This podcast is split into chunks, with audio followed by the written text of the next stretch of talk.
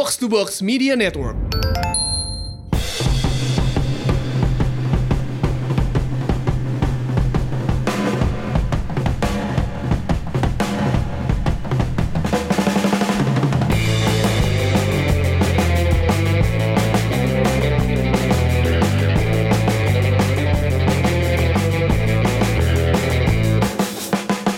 Oke, welcome back di podcast Umpan Tarik bareng gue Aun Rahman. Halo, Sodat. Nah, kita ditemani untuk episode kali ini ada pemain Inggris nih, Bib. Yang kemarin nggak nggak nggak tanding di final Euro. Ada Pli Foden. Apa kabar Pli Foden? Halo, apa kabar sobat-sobat umpan tarik Indonesia? Asik gila. Clifoden yang Clifoden sekarang ini semuanya ada di rumah ya. Ada di rumah. ada di rumah. Berarti- kita Kan udah Tapi udah nggak from it's home. coming home. Nggak it's coming home tadi. Karena ini kita taat sama PKM kan ya sebagai PPKM, kita- ya. Jadi kita ini rekaman di rumah teman-teman dengan umpan tarik bersama Pli Foden kita langsung datangkan dari Inggris untuk berbicara di podcast umpan tarik nih. Rafli apa kabar Rafli? Alhamdulillah baik sekali Mas Aun, Mas Aun Siap. dan Mas Labib gimana juga baik kan? Alhamdulillah. Bib, eh, Rafli itu merasa katanya suaranya ganteng Bib kata dia. Ah, enggak, emang emang dia somai banget. Kalau lu ngomong kayak gitu depan Febri, Rapli bisa diludahin. Dia bilang suara, suara suara dia ganteng banget katanya. Jadi gue sih iya iyain aja sih. Iya, nggak apa-apa emang. Namanya juga anak somai. Nah, di episode kali ini karena kita bertiga nih teman-teman pendengar rumah tarik udah sangat menantikan sepak bola lah, udah nungguin banget. Menurut info eh, Fabrizio Labibo katanya katanya liga kemungkinan besar itu bulan September. Benar gak Bib? September ceria dulu nyanyikan. Tapi jadi kemarin gua lebaran bertemu orang-orang yang emang berada di lingkungan tersebut. Nah, terus? Akhirnya gue menemukan suatu indikasi kalau misalkan ternyata PPKM diperpanjang dan nggak Hmm. memungkinkan untuk dilanjutkan di bulan Agustus, kemungkinan terakhir udah di bulan September. Kalau misalnya nggak jalan juga? Kemungkinan besar bisa nggak ada liga lagi selama dua musim berturut-turut. Ah, oke oke oke. itu tapi oke, oke, itu oke. kemungkinan yang sebenarnya nggak jangan pernah akan terjadi lah ya yang eh, nggak ada Oke, liga oke. itu tapi masih diusahakan di bulan Agustus atau September ini liga bergulir Oke. Ya semoga aja jalan lah. karena, Karena, sudah ada ini ya sudah ada tanda tangan kontrak dengan title sponsor oh udah ada Oh. berarti. Oke oke oke. Ini podcast soalnya gue sering baca-baca di kolom komentar akun lain, jadi semacam lambe turah jadinya podcast kita ini. referensi referensi Jadi referensi. Ya udah dibocorin tuh di podcast umpan tarik buset. Padahal kan kita cuman memberi info aja. aja iya ada ada yang ngomong Aun Rahman sama Labib Sada tuh udah ngomong di podcast umpan tarik udah nggak kaget lagi ada suatu kebanggaan tapi ada deg-degannya juga ya Iya. Kalau salah kan ntar kita yang di- dikatain nanti. Nanti oh apaan? Katanya di umpan tarik eh, gini gini gini datang enggak gitu. Jadi ya, tapi kan ka- kalau kita sih eh, memang kalau gua sih ngikutin motonya Kang Eko Maung ya jarang bener tapi Hmm. nggak pernah salah Nah, iya itu dia. Itu penting soalnya. penting itu Nah, jarang ini- bener tapi nggak pernah salah Nah, ini kita ju- karena jarang berita ya, harus diakui karena kompetisi nasional Indonesia itu ya jarang info, terus juga nggak banyak nggak banyak berita baru. Nah, ini ternyata ada berita yang paling segar adalah kepindahan Boa Salosa ke Borneo FC. wow Nah, ini nah, di mana sebenarnya tidak wow.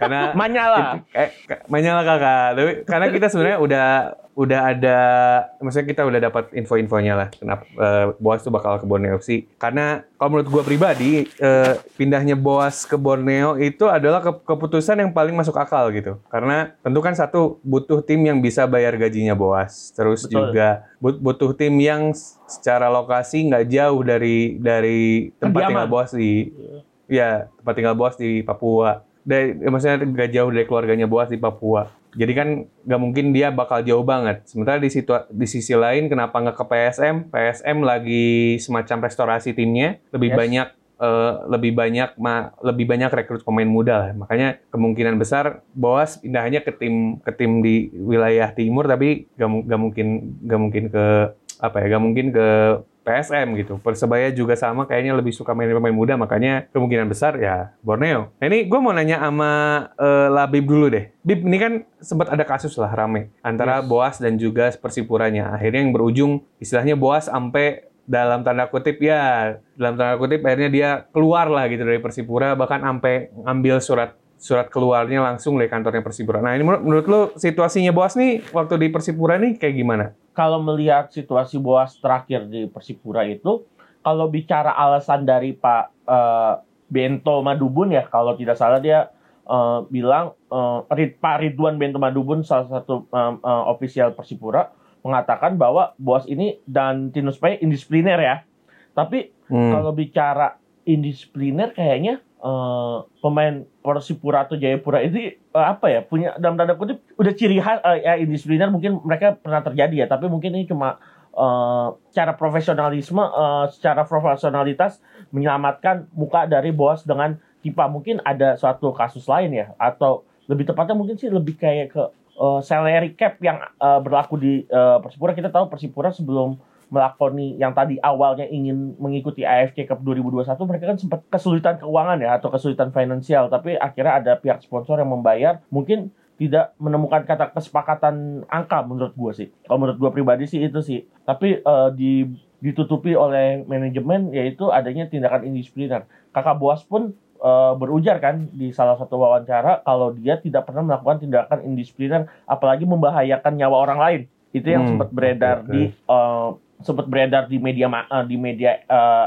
masa ya. Dan itu me- menurut gue juga nggak mungkin lah eh, seorang boas yang notabene ada seorang legend Persipura, legend timnas Indonesia, legend sepak bola Indonesia melakukan tindakan seperti itu. Jauh lah kalau menurut gue ya. Apa pun alasannya memang itu nggak pernah dibenarkan. Tapi bos juga udah eh, nge- ngeklaim bahwa dia nggak pernah melakukan tindakan yang merugikan eh, tim atau kan membahayakan nyawa orang lain. Ya mungkin kalau menurut gue pribadi sih lebih ke adanya eh, pengurangan gaji atau biasa eh, tim luar negeri itu menyebutnya salary cap itu sih. Tapi emang eh, tiba-tiba Bos Nabil setelah adanya konferensi pers di eh, Samarinda juga bilang eh, kami siap membayar eh, gaji yang layak untuk Boas. Itu sih kalau dari gue. Kalau dari Lupli gimana? Maksudnya ini kan situasinya rasanya kalau kalau di luar tuh jarang kejadian lah. Walaupun ada lah beberapa ketika legend udah lama akhirnya terpaksa dilepas karena eh, pengaruh keuangan tim gitu. Kalau menurut lo kasusnya bos nih sama Tipa berarti kan ya? Ini gimana menurut lo? Kalau menurut gua, ya gua nggak tahu banyak ya. Yang gua tahu tuh kan gua nggak se apa berita gua nggak sebanyak Fabrizio Labibo, ya kan? Berita, berita yang saya dapatkan tidak sebanyak dia. Tapi yang gue baca di media massa dan di timeline Twitter gua tuh kayaknya Boas tuh melakukan tindak indisipliner. Mungkin ada benernya juga tuh yang soal gaji dan lain-lain kan karena situasi kayak gini juga kan. Terus Persipura kan nggak sekali dua kali ter apa bermasalah dengan keuangan timnya kan. Kayaknya sangat sangat mungkin terjadi eh, isu itulah yang paling kuat. Kayaknya kalau tadi tuh ada juga yang apa sih Labib bilang melakukan tindakan yang membahayakan nyawa orang lain sih kayak menurut gua enggak enggak sejauh itu ya. Enggak Hmm. sejauh itu kali. Gue juga sepakat nggak mungkin lah. Eh nggak mungkin sejauh itu. Kayak Nah. kalau masalah gaji ha, mungkin ya hampir semua tim di Liga 1 masalah hal yang sama lah. Pasti ada Ah. masalah hal yang sama. Nggak satu dua pemain, nggak satu dua tim, hampir semua. Mungkin di dunia karena situasi lagi kayak gini juga kan Messi pun akhirnya kan potong gaji 50% kan buat Ah, kembali iya, ke iya. Barcelona kan. Iya. Ya, ya mungkin kasus Boas dia nggak bisa menemukan deal yang tepat dengan Persipura, ya dia mungkin cari peringai biar dia bisa cabut aja. Nah, Ya, oke, oke, udah. oke, oke, oke. Itu dituruti oleh Borneo. Oke. Nah ini ini kan yang jadi disayangkan adalah dia 16 tahun. 16 tahun di Persipura dengan serangkaian eh, Prestasi. apa ya? ser- iya, serangkaian pencapaian dan prestasi. Ini gua mau baca dulu. Dia mulai masuk tim itu tahun 2005 seperti yang eh, teman-teman pendengar tahu kalau Boas ini masuk ke Persipura justru setelah main di timnas. Setelah main bagus di Piala Tiger 2004, walaupun dia akhirnya cedera kan eh, di tackle Bayaki ya berarti ya? Daniel McBennett. Oh, atau Bennett ya? Nah, itu kan Daniel Bennett. dia cedera. Eh, itu juga set- di tahun yang sama di Piala Tiger 2004, Boas itu bawa timnya juara, tim PON Papua, jadi juara bersama di Sumatera Selatan bareng Jawa Timur. Dia jadi top skor. Nah, itu berapa gol, Pri? Tadi gue baca sih 10 gol ya dari Ah. Indosport kalau artikel. Ah, oke, oke, oke. Ini jadi setelah prestasi-prestasi, akhirnya Boas main buat tim utama Persipura pada tahun 2005 dan gol perdananya itu terjadi lawan PKT Bontang 8 Mei 2005. Nih, ini gue jujur sama lu ya. Yang gue susah nyarinya adalah game pertamanya Boas tuh kapan? Game pertamanya Boas. Gak, gak, gak ketemu sama sekali karena Oh, gue nanya-nanya pertama. kan sama orang-orang. Game pertamanya tuh kapan? Yang muncul itu cuman gol perdananya kapan? Eh, karena mungkin kalau gol, gol perdana masih banyak yang eh, eh, artikel-artikel online yang Ya, Merilis ya. Benar, benar, benar. Ada line up-nya pasti kan. adalah nah itu dia nah sebenarnya kalau kalau game perdana itu nggak ada yang tahu ini makanya gue jujur sama lu pada gue pengen ketemu sama Boas Tanya. ya. ngebahas ya ngebahas soal soal soal bagaimana dia di Persipura awal mulanya dan lain-lain apalagi kan posisinya waktu itu dia bareng Ian Kabes bareng beberapa pemain lain baru naik gitu loh makanya gue pengen tahu banget nah itu terus dan juara di musim tersebut langsung di musim perdana di top flight langsung juara lawan Persija di final Betul. menang dan skor 3-2 yes. dan game ini juga gue ingat Boas ngegolin Per- gol pertama ya kalau nggak salah ya. sampai extra time kalau nggak salah itu gamenya ramai sebenarnya. Nah ini sebagai Labib sebagai dijak lu ingat yang lu ingat dari game itu gimana? Gue yang gue inget waktu itu Persipura mengandalkan trio pemain muda ya, Christian Nasir Warobai, Ian Luis Cabes, dan Boas Solosa. Dan Boas itu di pertandingan tersebut kebetulan head to head dengan sang abang yang bermain untuk Persija ya, Ortizan Sajojo. Eh, yang gue inget juga di game itu selain Boas mencetak gol eh, memanfaatkan crossing dari sayap kanan gue inget banget tuh eh, dia eh, menempatkan bola di tiang dekat plus dia itu ada satu momen dia eh, mengalami sempat kram apa cedera dari pemain Persija langsung sang abang yang mendekati Boas saat itu Hmm. Dan yang notabene sang abang itu kan bermain untuk Persija ya. Hal yang unik ya. Kan karena mereka mungkin abang adik dan berbeda klub dan Boas waktu itu di musim pertamanya di eh, top flight Liga Indonesia ya. Emang pemain ini nih pemain emas banget. Bahkan usianya Boas itu belum 20 tahun saat pertandingan itu. Hmm. masih 19 seingat gua sih atau 18 gitu. 19 berarti. Dia kan kelahiran 86 ya. Dan emang Hmm. Boas itu langsung di musim itu digadang-gadang ini bakal jadi striker masa depannya timnas Indonesia terlepas dari hasil dia yang sangat bagus di Piala Tiger 2004 memang akhirnya the rest is history sejarah Hmm. akhirnya mencatat ya Boas adalah salah satu top skor Liga Indonesia sepanjang masa Oke, nah ini gue penasaran karena Rafli ini kan usianya lebih muda daripada gua sama Labib nih. Lu pertama kali tahu Boas kapan, Bib? Ah, Kapan, Pli? Jujur jujuran ya, jujur jujuran Nah. pertama kali gue tau bos tuh pas final IS ISC apa ISL ISL masih ISL kali 2013 atau 2014 gitu 14 kayaknya ya. Waktu 14, Persib juara. yang. Persib juara yang pas Persib Buset, juara Jauh banget. jauh banget emang jauh banget jauh banget tap gua gua bilang gua tahu boas gua tahu boas sebelumnya tapi tapi itu gue bilang oh gue baru tahu kalau dia sebesar itu pas Ah, final itu kan karena lawan Persipura kan ya gue nggak mungkin lah nggak nggak baca baca kan. Ah. apalagi tuh eh, finalnya Persib udah lama banget lah. ISL kan Ah. dulu formatnya liga terus sekarang eh pas tahun itu tahu-tahu jadi kompetisi. semi semi liga dan turnamen kan. Ah, iya. Eh. terus oh Persipura gue liat gue baca baca oh Boas ternyata besar banget namanya. Itu jujur jujuran tuh pertama kali gue tahu Bosar eh Boas sebesar itu di Indonesia. Nah, ini berarti ada ada waktu 10 tahun berarti ya. Beda jeda 10 jenjangnya. tahun antara debutnya Boas sampai gue tahu dia sebesar itu Oke, ini gue lanjut bacain ininya dulu ya. Eh, bagaimana Timeline. perjalanannya Boas di Iya. Persipura. Jadi terus 2006, tepatnya 24 Juni 2006, ini hat-trick perdananya Boas di kancah sepak bola Indonesia dibuat ke gawang Persema Malang. Tahun 2008 main bareng Ortizan Salosa akhirnya. Setelah sekian lama akhirnya main bareng satu tim eh, di Persipura tahun 2008. Terus tahun 2009 lanjut itu gelar kedua. Eh, gelar kedua bareng Persipura. Eh, terus Boas jadi top skor dan juga pemain terbaik. Selanjutnya tahun 2010 ini rekor unbeaten yang belum pernah dilakuin di sepak bola Indonesia. Sebenarnya hitungannya invisible sebenarnya. Bib sama Rafli. Eh, sebenarnya hitungannya invisible cuman eh, mungkin tidak terla- tidak terlalu mengenakan di telinga fansnya Arsenal makanya nggak ditulis invisible. Ini sebenarnya invisible yang tahun 2010. Invisible di bola Indonesia itu Persipura. nggak juara ya berarti ya Juaranya di musim selanjutnya. Oh di musim selanjutnya, oke, iya benar 2010 Di musim karena waktu itu. Arema Ini- yang juara. Ya, Arema yang juara tapi jadinya unbeaten-nya di musim selanjutnya. Apa juaranya justru di, di musim selanjutnya. Nah, kemudian tahun 2011 mewarisi ban kapten dari Edu Ifak Dalam. Nah, ini ada yang lu inget nggak ceritanya Bib soal Boas jadi kapten akhirnya jadi kapten Persipura? Seben- sebenarnya waktu ketika Edward Ifak dalam memutuskan pindah ke Persidafon Davon Soro di 2011 itu, yang gue inget ada beberapa nama yang naik. Karena waktu Hmm. itu s- umurnya Boas tuh masih eh, 25 tahun lah, masih pemain muda. Sedangkan ada pemain yang eh, istilahnya tuh eh, di usia yang eh, generasinya di atas Boas lah dan emang layak menggantikan Edward Ifak dalam. Tapi kalau nggak salah ini pemilihannya ini dari manajemen dan langsung menunjuk Boas Hmm. yang kala itu bermain luar biasa ya sudah uh, bermu- berapa musim ya berarti udah sekitar enam musim bermain untuk Persipura hingga akhirnya ditunjuk menjadi kapten. Dia pun mengalahkan pemain-pemain muda uh, angkatannya ya kayak Ian Luis Cabes dan Ricardo Salampesi bahkan saat itu. Ini karena kan di situasi ini juga eh, apa ya? Buat gua agak cukup mengagetkan karena kan biasanya yang tipe-tipe superstar, fantastista ini kan jarang jadi kapten ya. Maksudnya biasanya yang jadi kapten tuh leader-leader gitu, back di belakang. Ini kan jadi agak mirip kayak Totti di Roma menurut gua gitu. Modelnya ya, modelnya. Biasa kan yang dikasih ban kapten tuh bukan pemain star player kan.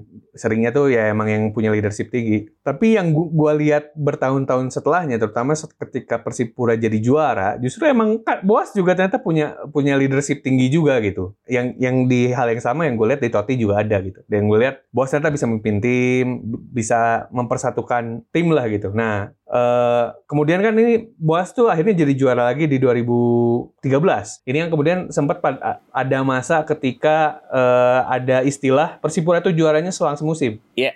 Ya, ta- tahun ganjil biasanya. Nah, iya iya benar benar benar. Itu tahun ganjil. Eh, jadi ada istilah ya Persipura itu pasti juara di di, di Tahun selang ganjil. tahun. Iya. Nah, ini kita ke tahun di mana akhirnya Rafli tahu ada Boas Salosa. Be- Sebesar apa Boas, Boas Salosa itu? Nah, ini Pli, gue mau nanya ke lu di final 2014 itu, karena lu pendukung Persib juga. Apa yang lu rasakan waktu lihat Boas? Wah, ini pemain kok ada ya pemain Indonesia? Dia dia kan posturnya nggak terlalu tinggi ya. Standar lah, standar rata-rata orang Indonesia buat pemain bola. Terus dia punya kecepatan juga, punya dribbling yang cukup bagus. Wah, ini bagus banget sih. Gua baru pertama kali tuh ngelihat di pertandingan itu tuh pemain sebagus Boas dan gue tau kan Liga Indonesia pemain ya mayoritas hampir sama lah ya. Hmm. Tapi ini spesial Nah, berarti. Tapi ini spesial, ini spesial, ini spesial. Dan setelah gue baca-baca, nggak salah sih kalau nama dia bisa sebesar itu. Ah, oke oke. Kalau menurut lu Bib, apa yang lu ingat dari final 2014 tentang Boas? Yang gua ingat eh, Persipura main 10 orang sejak menit 30-an, tapi Hmm. Persib Puluhan kalau nggak salah deh. Iya antara menit 30 atau menit 40 gue agak lupa. Dan gue inget Boas memimpin eh, Persipura untuk mengurung Persib yang bermain 11 orang saat itu. Iya, Bahkan iya, iya. eh, Boas itu mencetak gol keduanya Persipura ya ketika eh, Persipura Hmm. sedang kalah, sedang eh, dalam keadaan tertinggal hingga akhirnya Boas yang mencetak gol menyamakan kedudukan dan memaksakan perpanjangan waktu hingga akhirnya adu penalti. Itu sih yang gue inget dan Iya, memang itu di pertandingan itu tuh bener kata lu uh, Aun tadi tuh dari pertama tuh uh, Boas ini luar biasa karena kenapa leadershipnya dia ternyata bisa terasa mungkin karena ada pepatah yang bilang uh, bisa karena terbiasa. Jadi Boas itu mungkin udah terbiasa memimpin uh, big game-nya Persipura nggak akhirnya di pertandingan final itu mereka dia kayak biasa aja gitu. Jadi nggak ada tekanan. Bahkan bermain 10 orang itu kan di partai final cukup berat ya. Iya udah main aja 10 yang- orang dan dia jatuhnya kayak main away kan karena Iya. mayoritas di Iya, Jakabaring itu supporter Persib semua. Betul. Nah, iya. itu hampir hampir 80 70% itu supporter Persib memenuhi stadionnya eh, Sriwijaya ya dan jangankan main 10 orang, Inggris yang main 11 orang aja ditekan habis-habisan. Lah ini Persipura. Dibahas lagi. Enggak, ini gue cuma compare aja sama Iya compare iya ya. setuju setuju. Eh, Ing- Inggris main Iya. 11 orang lawan Italia aja nggak bisa mengembangkan permainan tapi ini Persipura dengan boasnya yang nggak akhirnya Persib jadi juara tapi Persipura bermain 10 orang bisa memimpin teman-temannya menekan Persib selama pertandingan itu pasti pada inget lah Iya. gimana eh, heroiknya Persipura walaupun pada akhirnya Persib yang bisa ngangkat piala di akhir Iya pertandingan kalau udah ada itu penalti sih kan ya udahlah ya. iya udah udahlah Tapi yang gue inget karena gue nonton pertandingan itu juga ada banyak eh, kesan lah ya. Pertama, gue inget player gue mengkerut beneran waktu gol pertamanya Yan Kabes. Itu Iya. karena Karena gue kaget gi- bisa gol secepat itu. Satu, di mana Boas itu bisa lihat Ian lagi lari dari belakang. Itu gue Yes. kaget. Kayak anjir kok bisa lihat? Maksudnya it- kalau dilihat rekaman golnya Ian Luis Cabez yang gol pertama, itu operannya dari Boas juga nggak salah. Itu tuh Ian eh, apa lari dari belakang tuh bisa dilihat dan finishingnya Ian juga bagus. Dan yang waktu yang gue inget banget waktu final tuh gue mikir ini tolong jagain si Boas gitu gimana caranya diberhentiin.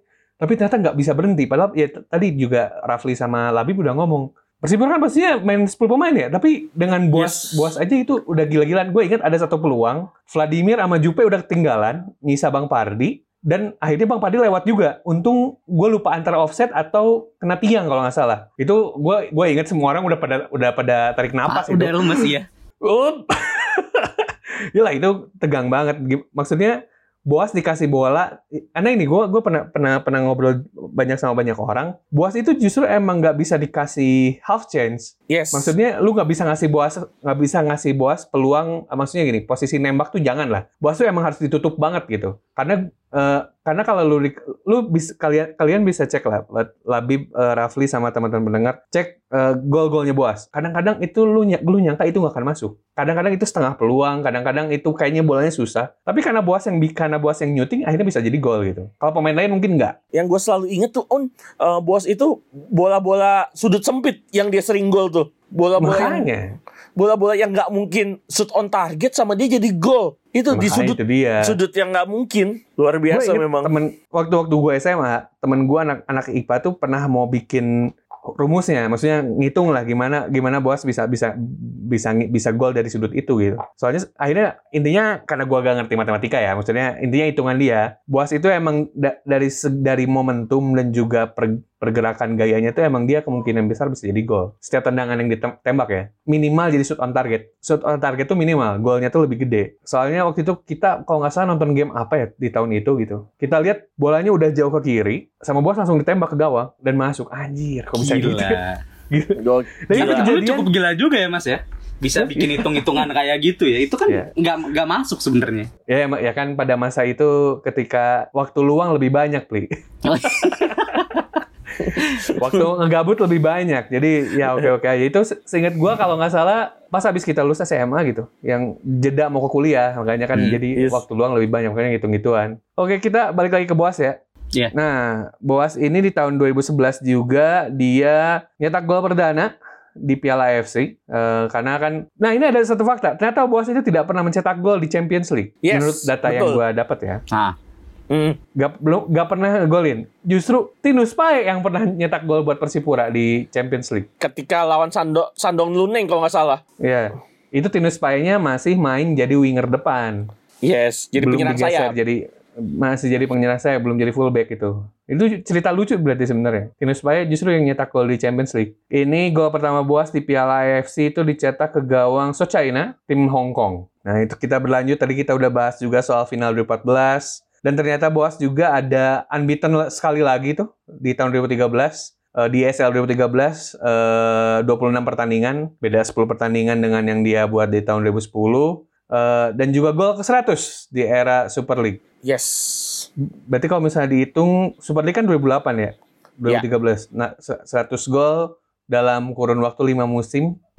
Berarti satu musimnya Sekitar- lima, 20 gol. 20 gol berarti. Kurang Jaminan. lebih. Kurang lebih ya. Itu keren juga sih. Keren, keren banget. banget sih keren banget sih kalau Keren banget, keren banget. Keren banget. Lu pemain lokal lagi kan? Posisinya Iya. pemain lokal. Pemain lokal. Ya, situ situasinya dia baru sembuh dari cedera kan abis 2007 ya. Ya, 2007 Hmm. tuh abis abis abis tackle pemain Hong Kong juga itu. yes persiapan Piala Asia Ya, Nah. persiapan Piala Asia. Dan sayangnya di mana dia Piala Asia nggak nggak di nggak diambil. Nah, ini tahun 2014 setelah final YSL tuh kan dia mencapai semifinal Piala AFC. Ya, itu juga salah satu pencapaian yang jarang buat Tim Indonesia. eh, orang Indonesia. Pertama nggak sih ini? Apa sebelumnya pernah? Semifinal kalau misalnya bicara kompetisinya Piala AFC pertama, tapi kalau misalnya kita bicaranya turnamen Asia, Pelita Jaya sama PSM. Pelita Jaya PSM, aduh satu gue lupa satu lagi antara antara Krama Yuda Tiga Berlian atau atau Arseto ya itu udah pernah nyampe Hmm. jauh juga. Hmm. Kalau misalnya konteksnya bicara turnamen Asia ya, tapi kalau misalnya bicara Piala AFC ini pertama kalinya tim ya. Indonesia nyampe Nah, ini pencapaian yang luar biasa sekali. Berarti yang lu tonton tuh Pli adalah Piala AFF 2016 kan ketika Betul, AFF jadi kapten. 2016. Nah, itu kan seingat gua kita ya Indonesia baru selesai kena Dari sanksi. Benfica. Ya, Benfica. Terus klub cuma ngizinin dua pemain, satu Iya, dua pemain dari tiap. sa- Hmm, dua pemain dan bos jadi kapten. Nah, apa yang lu ingat dari turnamen itu soal bos? Labib dulu deh. Di AFF-nya, Ya, di Piala AFF ya. gue yang gue inget Boas eh, akhirnya mendapatkan jabatan band captain lagi ya setelah Indonesia Hmm. lama nggak bermain kaptennya Boas dan yang gue inget eh, Indonesia kan eh, bermain di grup eh, B kalau nggak salah tuh eh, saat eh, di negara Filipina Eh, dan dengan Boas Indonesia bisa keluar dari jarum aduh jarum apa ya biasanya sih dari hal yang nggak mungkin dia bisa lolos hingga akhirnya eh, Indonesia bisa dibawa lolos oleh Boas kan? Beberapa aksinya ketika melawan Thailand dia mencetak gol walaupun Indonesia kalah. Dan ketika melawan eh, Singapura eh, di mana partai hidup mati Indonesia harus menang dia memberikan eh, asis kunci kepada golnya Stefano Lillipali yang kedua itu Hmm. salah satu momen terbaik Boas dan gua lihat Boas ketika eh, bermain di eh, Pakansari Bogor di semifinal dan final terutama melawan Vietnam itu tuh Boas bener-bener eh, mengeluarkan segala kemampuan terbaik yang dia punya apalagi golnya dia ke gawang Vietnam dan eh, di semifinal dan asis ajaibnya yang kalau inget di Maidin di Iya. Hanoi itu yang dia kena tiang asis akhirnya di sosor sama Lillipali itu luar biasa sih menurut gua di mus di AFF 2016 Boas tuh bermain sangat luar biasa itu berarti final keduanya Boas ya di A- eh, Iya. di Piala antar eh, ASEAN negara ASEAN jadi penampilan Boas di tahun itu mungkin jadi AFF terakhir Boas juga. Gua gua salut banget sama Boas. Luar biasa kok. Jago banget menurut gua. Nah, menurut lu gimana, Pli? Eh, ya setelah pertama kali yang gue tonton buat di 2014 Nah. Di 2016 kan di- kita udah vakum berapa lama Gue nonton pertama kali Timnas Indonesia di pertandingan eh apa ya, resmi gak sih hitungannya? AFF ini resmi ya hitungannya. Ya, Tapi resmi. nggak masuk kalender FIFA lah ya Nah, Ini tuh gue inget banget tuh Gue agak cerita sedikit ya.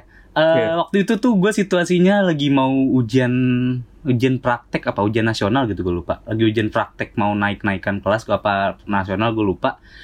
Gue cabut di ujian itu yang berakibatkan besokannya gue ditampar sama guru gue karena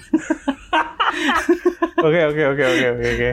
ya gue Nah. gue bilang pas gue cabut tuh bilang pak ini Indonesia pertama kali lagi nih pak buat lolos semifinal kan dan setelah Nah. kita di band lama setelah 2012 timnas kita carut marut kita pertama kali lagi lolos dan gue bilang gue nggak mau melewati kesempatan itu pak biarin gue nggak naik kelas tapi seenggaknya tuh gue nonton itu pertandingan Gila. dan iya dan itu pertandingan tuh setengah eh pertandingan Pakansari tuh setengah jadi masih. Akhirnya belum ada akses ke sana masih jelek banget. Jelek Ah. banget. Uh, itu gue nyari tiket harus wah berjibaku lah. Dan ketika gue masuk tuh pas banget lagi nyanyi lagu Indonesia Raya gue nonton wah bergetar itu. Bergetar seluruh badan nonton timnas Indonesia.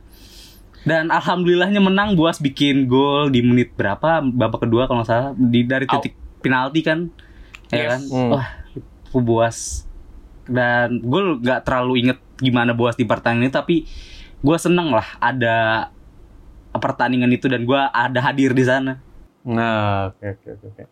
Ini dengan Rafli bilang dia ujian di tahun 2016 jadi ketahuan ya teman-teman pendengar umurnya berapa gitu. masih Dan gua berapa jadi ngere iya, masih berapa makanya jadi gua ngerasa tua banget anjir. 2016 kita udah kerja ya Udah kerja gua, udah kerja Udah kerja. 2016. Tapi ngomong-ngomong di final 2016 itu sepatu lu tanah semua ya Pli ya. Wih parah parah, gue balik sekolah masih pakai. Lu kalau tahu lu ujian praktek anak teknik kan pakai wear pack ya, Iya. Iya. pakai wear pack terus pakai sepatu safety shoes gitu ya. Mungkin sepatu gua nggak Iya. terlalu ngaruh ya, karena kebetulan gue pakai safety shoes dan tanah kayak nggak terlalu ngaruh dan eh, itu ada keuntungan juga gue pakai safety shoes ya, karena gue harus banyak manjat, ginjek berbagai obstacle, tanah, batu dan lain-lain. Yang gue inget tuh gue Iya. tau stadion tuh gue harus manjat bis karena jam setengah enam apa jam lima udah ditutup semua pintu stadion. Gue harus Ah. manjat ke atas pagar biar bisa masuk ke ring berikutnya. Alik. Alik. Gila, Alik. gila. Pengalaman nonton Boas itu. Iya itu nonton buas. Keren Nah, banget lah. Itu di di tahun yang sama. Ini gue punya juga cerita personal soal Boas 2016. Itu gue akhirnya berkesempatan nonton langsung Boas di Mandala, Jayapura. Langsung. Itu game pembukaan ISC kebetulan, si turnamen pengganti yang Liga. telat beberapa jam itu kan? Oh iya itu, itu gila juga itu. itu itu gue inget itu itu rokok udah habis berapa batang gitu gue nungguin diam diam kok belum mulai belum mulai ternyata emang masalah keamanan karena presiden mau datang waktu itu kan Iya, iya.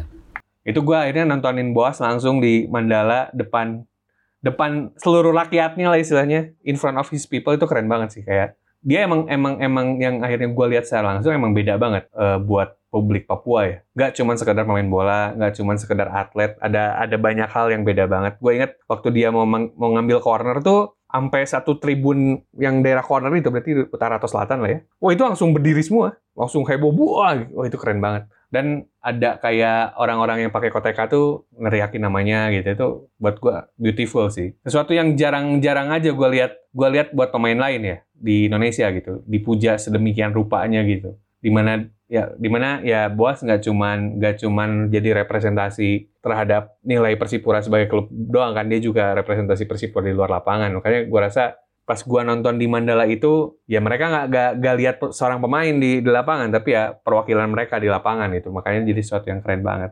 Luar biasa lah. Itu salah satu momen lah. Tahun tahun 2016 itu mom- momen juga. Karena gue lihat langsung buas langsung di lapangan kayak wah itu takjub gue tuh. Nah selanjutnya di 2017 eh, di Boas jadi orang pertama orang Indonesia pertama yang masuk daftar 442 Best Asian Football Player. Jarang, jarang Indonesia dapat dapat pergi ginian. Terus juga dia nyetak gol perdana di Liga 1 dan di tahun 2021 ini dia masuk ke dalam daftar AFC Cup All Time uh, 11. ya. Iya, Yes. all time lagi, bukan edisi suatu edisi Musim. tapi all time. Iya. Bukan musim tapi all time. Nah, menurut lo gimana, Bib? Kalau nggak salah dia masuk bareng Rico ya. Ya, kalau nggak salah ada Rico-nya juga di situ. Eh, dan posisinya gue inget banget waktu AFC merilis AFC Cup Best All Time dengan formasi 3-4-3.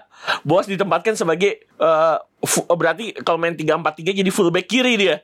Hmm, oke oke oke. Tapi ya itu nggak masalah sih. Tapi emang ngelihat pemain yang ada di jajaran 11 pemain itu emang gue akuin itu 11 pemain terbaik uh, Asia dan uh, uh, terutama ASEAN ya. Banyak pemain ASEANnya di situ. Selain Rico ada uh, uh, Nguyen Quach Hai dari uh, uh, Vietnam dan beberapa nama lain. Ada uh, pemain ini juga kan uh, uh, JDT dan gue akuin itu pemain-pemain terbaik yang pernah ada bermain di AFC Cup. Dan emang harus diakuin bos itu luar biasa ngebawa uh, Persipura ke perempat final AFC Cup ti- 2013 dan uh, semifinal AFC Cup 2014 itu luar biasa pencapaian yang luar biasa untuk pribadi dan uh, bersama klub sih saat itu. Emang pemain yang sangat layak menurut gua. Bos layak lah. Kalau menur- kalau menurut lu, Pli, apakah kelayakan ini biar bisa kan seringnya Indonesia tuh diinkludin di dimasukin lah istilahnya. Biar rame aja.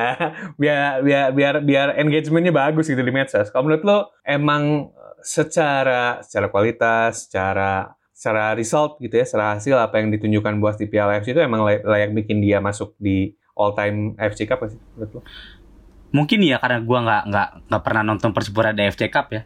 Eh, Dan mungkin ada masuk akal juga eh, yang tadi Mas Aun bilang kalau buat naikin engagement, tapi kayaknya buat nama Boas ini sih kayaknya nggak se begitu nggak maksudnya kayaknya nggak perlu masukin nama Boas deh kalau buat itu. Kayaknya ada yang nama yang lebih gede, tapi karena ini Boas gitu, ya Jadi kayaknya dia layak sih layak banget. layak masuk oke Layak banget.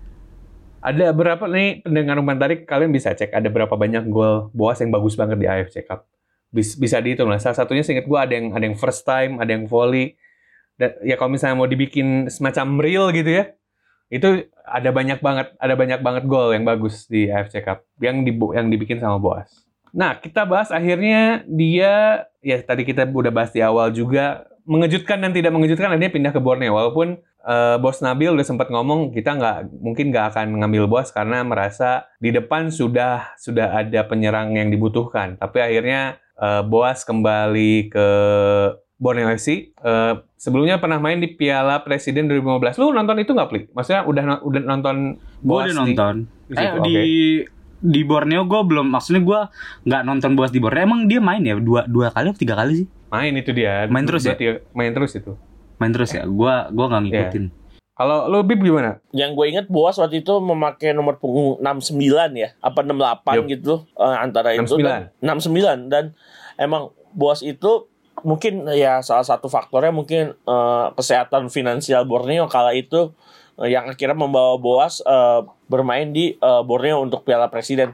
Kirain gua bakal berlanjut hingga eh, liga, tapi ter- ternyata ternyata eh, waktu itu lanjutannya tuh liga ini ya berarti ya eh, ISC ya. Eh apa Iya. Liga 1 du- antara itu ISC ISCA dulu.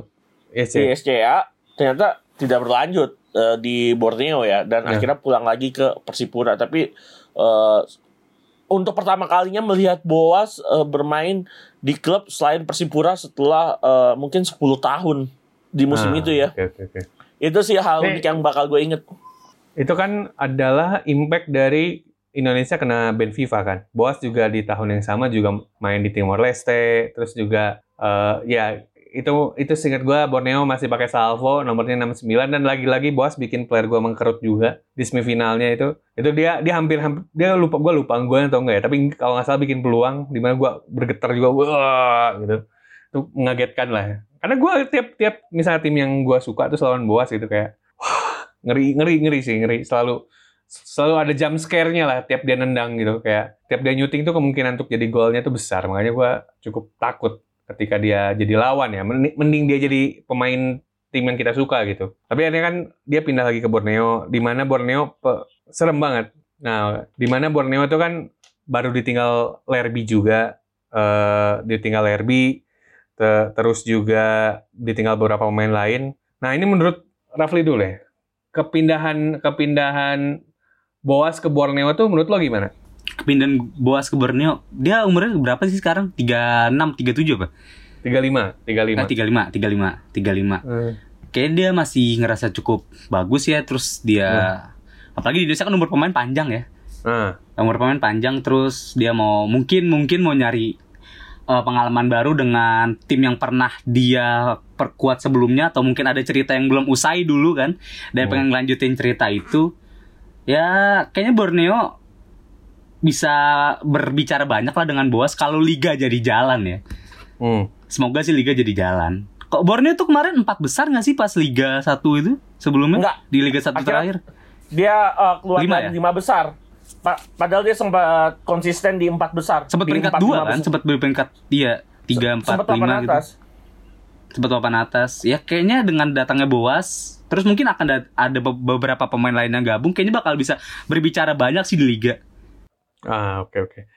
Nah ini kalau menurut lo Bib gimana? Apalagi kan sebenarnya Boas ini sempat juga diisuin bakal bakal ke Arema juga gitu. Tapi akhirnya berlabuhnya di berlabuhnya di Borneo. Ini kan kita lihat kalau misalnya bicara penyerang meskipun udah nggak ada eh, udah nggak ada Lerby, tapi kan ada juga Wawan Febrianto, terus juga Yes. eh, beberapa pemain lain, Jonathan Bustos juga, eh sorry, Francisco Torres dan Gay Junior. yang gua eh, garis bawahi sebenarnya Boas ini kan berasal dari Indonesia Timur dan eh, dia itu datang ke Borneo itu dengan eh, win-win solution buat Boas menurut gua. Mungkin karena eh, Oh. finansialnya juga bisa dicukupin dan eh, Borneo itu punya winger-winger yang berasal dari Indonesia Timur. Ada Terence Puhiri dan Aceh Fajar Paturahman eh, bekas lulusan Garuda Select. Ini bakal jadi apa ya? Hmm. Eh, Indonesia Timur Connection lah bisa dibilang nantinya. Dan eh, Bo- Boas juga bisa member- jadi memberikan apa ya?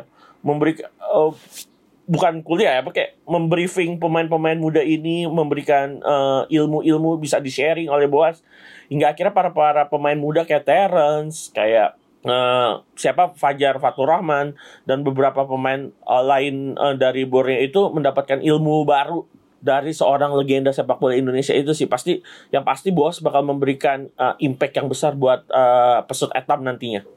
Wah, eh. Tapi gue juga sepakat. Karena kalau misalnya bicara playing time gitu ya, pasti bakal sulit. Karena Terence lagi high, terus juga Fajar Faturrahman tuh lagi bagus-bagusnya juga. Mungkin yang dibutuhkan Borneo dari Boas adalah, ya itu tutor buat main muda. Kalau lu pada main FM kan ada bisa tutoring youth player gitu. Nah itu kan mungkin yang dicari dicari dengan eh, keberadaan Boas dan buat Boas juga dari benar kata Labib ya simbiosis mutualisme sama-sama untung Boas juga jadinya nggak terlalu jauh. Dia meskipun emang tadi kan gue juga udah bilang ada tawaran dari Arema terus juga sempat diisukan bakal pindah-pindah ke klub yang lain juga. Tapi kan itu situasinya mungkin agak jauh dari keluarganya dia gitu. Ya mungkin kalau misalnya di Borneo dari Samarinda ke Jayapura nggak terlalu makan ongkos dan juga nggak terlalu jauh biayanya gitu. Nah sementara ini gue pengen tahu menurut kalian berdua di sisi berlainan Persipura tanpa Boas bakal kayak gimana? Rafli dulu boleh Persipura tanpa Boas. Persipura Iya. tanpa Boas. Sekarang tuh Persipura tuh pemain mudanya siapa sih? Todd Ferry masih di Persipura nggak sih? Iya. Gunasar ya masih masih Mandowen, Persipura Rivaldo Iya. Todd Ferre. Ya Persipura kayaknya cepat atau lambat dia sadar bakal kehilangan Boas juga. Mungkin ini Hmm. waktunya kayak buat naikin bintang-bintang baru atau pemain-pemain baru. Dan mungkin Todd Ferry akan menjadi itu apa? Pengganti yang bisa gantiin Boas kali ya. Nah, oke oke oke oke. Nah, kalau kalau Rafli tadi bicara soal pengganti, kalau menurut Labib, apakah Persipura akan semenaka- semenakutkan waktu Boas masih ada atau enggak? Kalau menurut gua nggak ada pemain yang lebih besar daripada nama klub ya.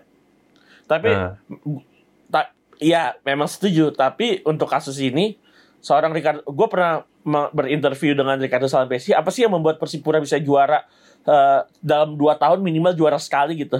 Boas Solosa doang mas jawabannya. jawabannya. nah, Iya.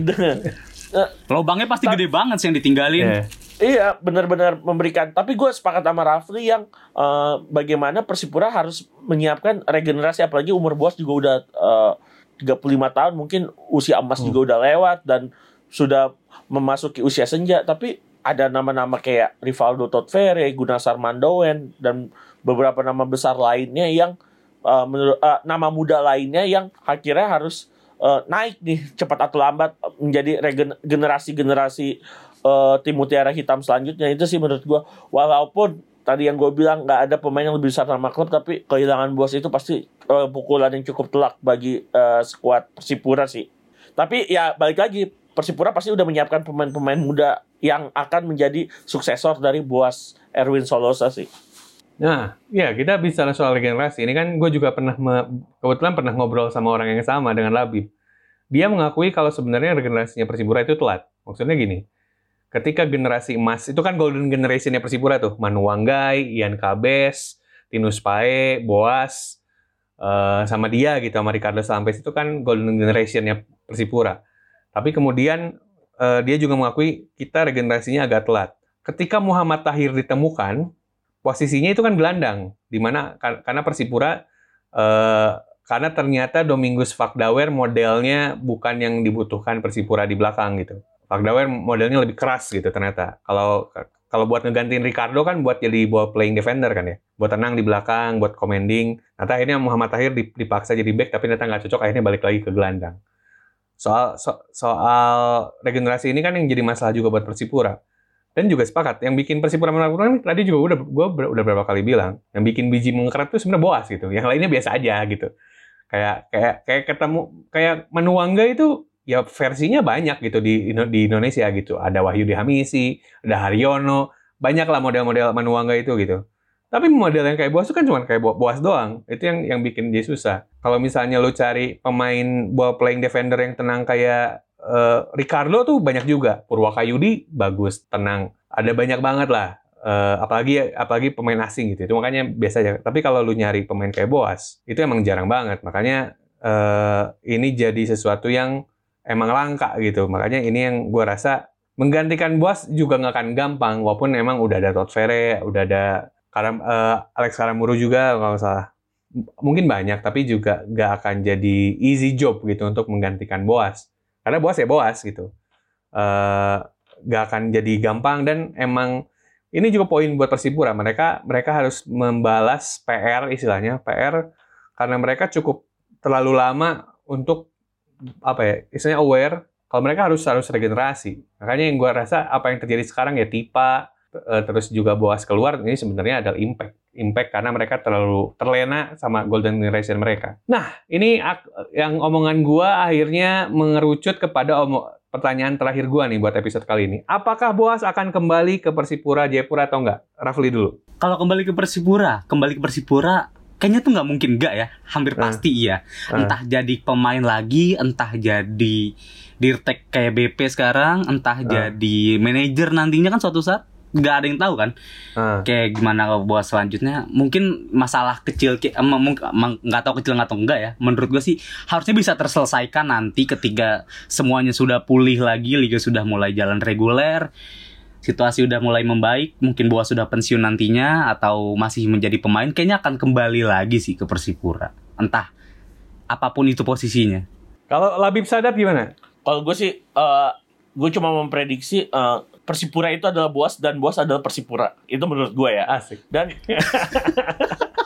Ya, itu sih itu Yeah. keren keren dua dua hal yang nggak bisa dipisahkan. Eh bener eh, kata Rafli tadi eh, cepat atau lambat mungkin Boas akan kembali nantinya entah posisinya apa. Yang satu hal yang gue tahu Boas cinta sama Persipura itu aja. Oke, tadi karena udah keren banget quotes dari Labib, jadi kita closing aja. Oke, demikian episode umpan tarik yang kita bahas soal perjalanan karir Boas Solosa. Eh, ada tambahan dari Rafli atau Labib? Gak ada. Boas itu terlalu dicintai sama semua orang sih dia kayaknya nggak punya haters pemain What? Indonesia satu-satunya nah, nggak itu- punya haters Itu good point Rafli. Satu-satunya menurut gue ya. Even BP, BP itu kan BP tetap pasti punya haters BP itu punya terutama di haters. Bandung ya Iya, makanya pasti ada itu. pasti ada nggak mungkin Sementara Boas itu lu nyari hatersnya tuh nggak ada. nggak ada nggak ada Boas tuh dicintai Makanya- semua orang Dicintai semua orang. Makanya dia tuh pemersatu banget. iya Itu makanya love love by all gitu. Oke, kalau gitu eh, demikian eh, episode umpan tarik kali ini.